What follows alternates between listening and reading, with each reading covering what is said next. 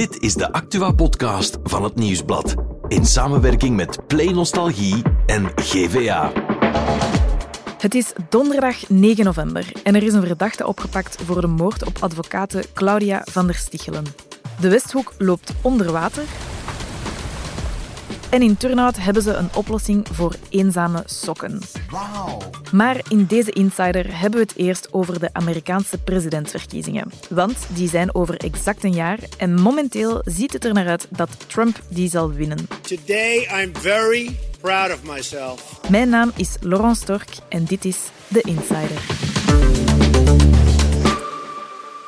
Binnen exact één jaar zijn het de presidentsverkiezingen in de Verenigde Staten en volgens een peiling van de New York Times zou Donald Trump die kunnen winnen.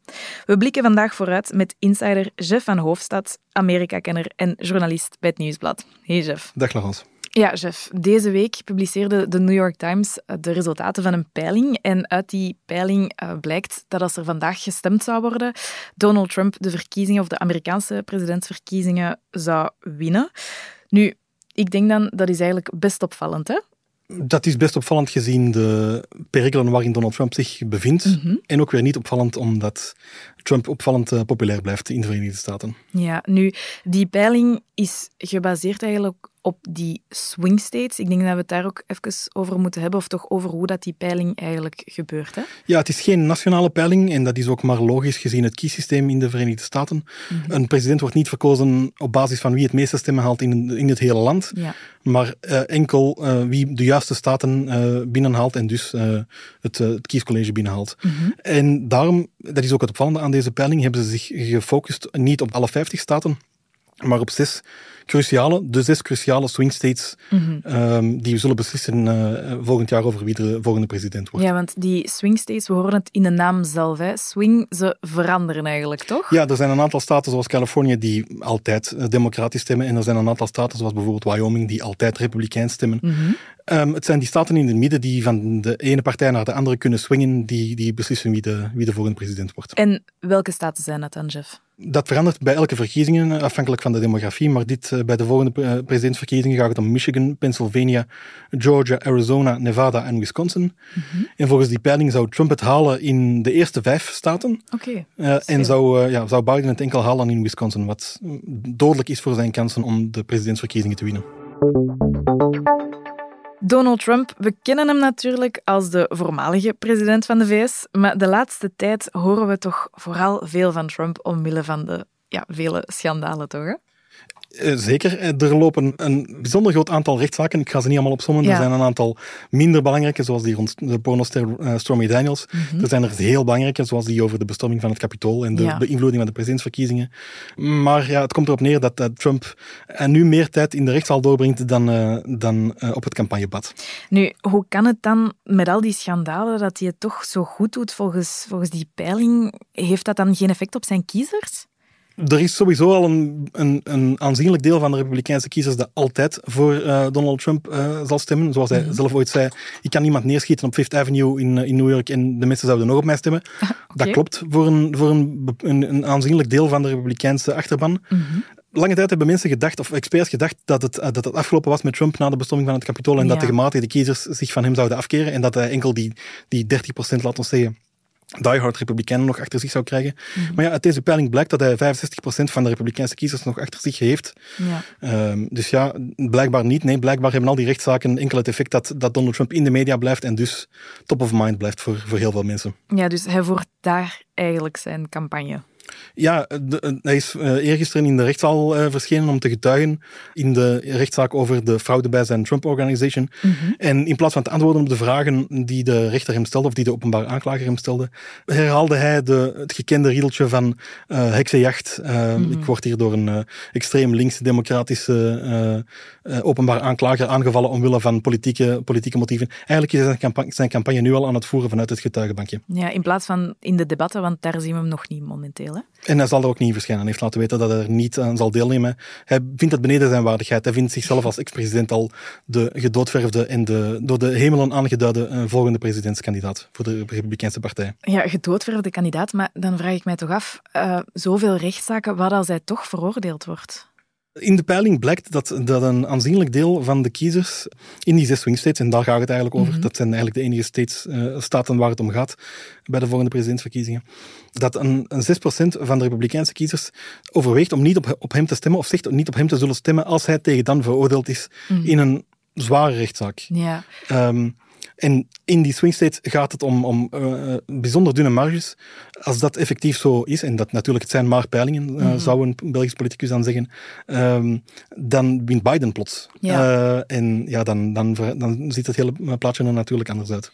Maar nu, ja, als hij toch zou winnen, kan dat überhaupt een president in de gevangenis? Mag dat? Dat mag zeker. Hoe praktisch, dat is natuurlijk uh, maar de vraag hoe dat georganiseerd wordt. Om president te worden in de Verenigde Staten moet je 35 jaar oud zijn, mm -hmm. moet je uh, een Amerikaans staatsburger zijn en moet je al 14 jaar in de Verenigde Staten wonen. Maar over de gevangenis, daar staat eigenlijk... Over de gevangenis hebben de Founding Fathers nooit iets gezegd, dus dat kan perfect. We hebben het gehad over de grote winnaar, maar dat wil dan ook zeggen dat er een grote verliezer is van die peiling. Uh, Joe Biden, de huidige president van de Verenigde Staten. Want die moest het doen met toch wel heel teleurstellende resultaten, hè, Jeff? Ja, hij, altijd met, met vrij, of hij verliest met gro vrij grote marges in die swing states. Mm -hmm. En als dat de bewaarheid wordt, ja, dan, uh, dan verliest hij inderdaad de volgende presidentsverkiezingen. Ja, nu, hoe komt het dan dat hij het zo slecht doet? Want ja, hij is nu toch al president omdat Joe Biden, en ik kan het niet anders zeggen, is een zeer oude man geworden. Mm. Um, wat bizar is, want een, een zittende president heeft bij Amerikaanse presidentsverkiezingen altijd een voordeel. Hij kan in de media komen met uh, beleidsprestaties en hij heeft het de afgelopen jaren eigenlijk vrij goed gedaan. Hij heeft volgens mij zelfs meer dingen gedaan gekregen dan Barack Obama. Mm -hmm. Maar om een of andere reden krijgt hij dat niet vertaald in, in gunstige, gunstige peilingen, in gunstige cijfers. Ja. En dat komt omdat Biden, ja, hij is nu eenmaal een oude man. Hij is uh, Sleepy Joe. Sleepy Joe volgens, uh, volgens Donald mm -hmm. Trump. En, en ja, hij ziet er ook, hij is in die jaren ook nog, uh, nog ouder geworden dan bij de vorige presidentsverkiezingen. En toen was het ook al een thema, ja. de leeftijd van beide kandidaten. Want Trump is natuurlijk maar vier jaar jonger. Mm -hmm. Maar ziet er gewoon veel energieker uit. Hij gedraagt zich energieker, hij praat energieker. Ja. Um, en, en ja, dat is, dat is voor Amerikanen zeer gevoelige materie.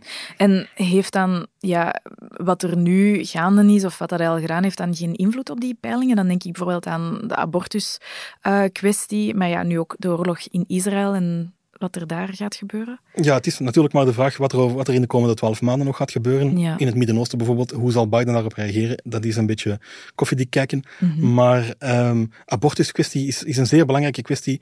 Die is in het verleden al uh, altijd zeer belangrijk gebleken voor democratische kiezers om naar de stembus te gaan. Mm -hmm. En bij Amerikaanse presidentsverkiezingen um, komt het er vooral op aan hoe motiveer je kiezers om naar de stembus te gaan. Ja. Er is geen stemplicht. Mm -hmm. En um, abortus is, een, is een, op dat vlak in het verleden een zeer belangrijke, zeer belangrijke motivator gebleken. Ja. ja. Nu, we hebben het altijd over Trump en Biden, uh, de twee ja, kandidaten die tegenover elkaar staan. Maar er zijn natuurlijk nog andere kandidaten. Hè? We vergeten die soms wel, maar die zijn er. Ja, er zijn zowel binnen de, binnen de twee grote partijen als buiten de twee grote partijen mm -hmm. uh, nog een aantal andere kandidaten. Maar goed, door het systeem maken derde, kandidaten van, van derde partijen op zich al, al geen kans. Ja. Um, ze kunnen misschien her en der een paar procentpunten weghalen bij de grote kandidaten. Vooral voor Trump is dat momenteel een gevaar. Uh, mm -hmm. Robert Kennedy, uh, de zoon van uh, de voormalige minister van Justitie en de broer van, van John Kennedy, ja. die komt op als, als onafhankelijke. Mm -hmm. En um, de kans bestaat dat die een aantal kiezers weghaalt bij Trump. Robert Kennedy Jr. is een antivaxer en zou een aantal complot, kiezers die gevoelig zijn voor complottheorie kunnen weghalen bij, bij Donald Trump. Ja, minder stemmen dan voor Trump natuurlijk. Dat, en dat zou in die swing states bijvoorbeeld een, een doorslaggevende factor kunnen zijn.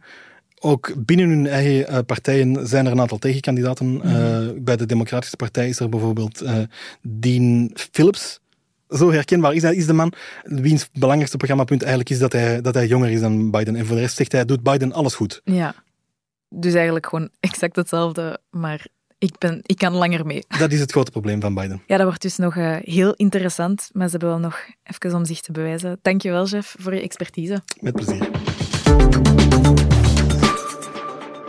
Voor het andere nieuws is Bert erbij komen zitten. Hey Bert. Dag Laurence. Ja, Bert, er is een verdachte opgepakt in de moordzaak rond Claudia van der Stichelen. Ja, klopt. Um, de advocaat die twee weken geleden uh, vermoord is, was lang een mysterie van ja, wie heeft het gedaan. We hadden alleen die robotfoto. Ja. Nu is er toch gisteren een man opgepakt, genaamd EDC. Mm -hmm. um, en zij was eigenlijk bewindvoerder van die man. Um, ja, die term, we kennen dat vanuit een beetje vreemde vergelijking Ja. van, van de zaak Britney Spears. Mhm. Ehm, maar dat wil dus eigenlijk zeggen dat er iemand controle heeft over ja, jouw eh, financiële toestand en Ja. ook eh, ja, bepaalde eh, zaken kan opleggen. Ja.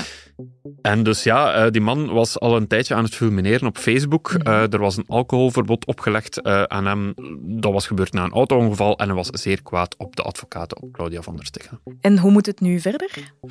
Het is nog helemaal niet zeker dat hij effectief verdacht blijft, voor alle duidelijkheid. Dus hij is aangehouden. Er zijn huiszoekingen geweest, zowel nog in de woonst van eh, Claudia van der Stichelen als eh, in zijn eigen woning. Mhm. Maar het parket moet eigenlijk nog bevestigen of hij aangehouden blijft. Dus Ah, ja. dat is wel echt nog ongoing business. Oké.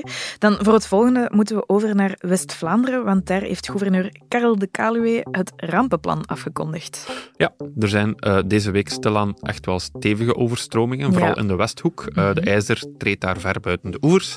En ik weet niet of je het gezien hebt, er was al een, een school in Watou geëvacueerd. Mhm. En ook een, een paar mensen die zo ja, op een eiland beginnen wonen. Ja. Zo. Ja, die enkel met de boot nog naar hun eigen huis kunnen. Ja, dat klinkt heel tof, maar dat is het Nee, natuurlijk dat, dat is het niet. Nee. Het, het water staat er echt wel al op kritieke niveaus. Ja. En daarom ja, wordt het rampenplan nu afgekondigd. ja, en is dat ook omdat er nog meer regen gaat vallen? Of... Ja, naar het schijnt wel, maar wie daar alles over wil weten, Laurence, die moet luisteren naar Frank de Bozere en zijn podcast Meer Weer, die we hier altijd op donderdagavond posten. Ja, even reclame ertussen smijten. Goed gedaan hebben. we. Ja.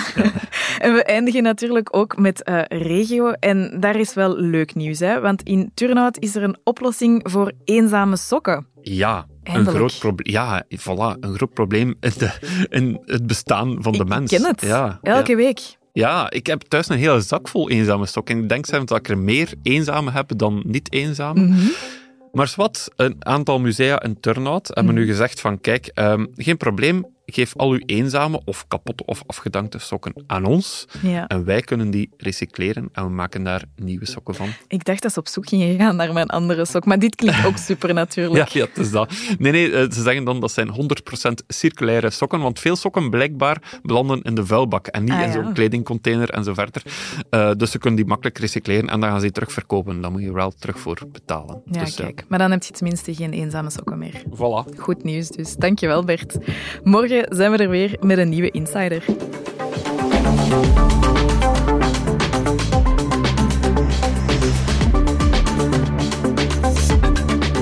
Dit was The Insider, een podcast van het Nieuwsblad in samenwerking met Play Nostalgie en GVA.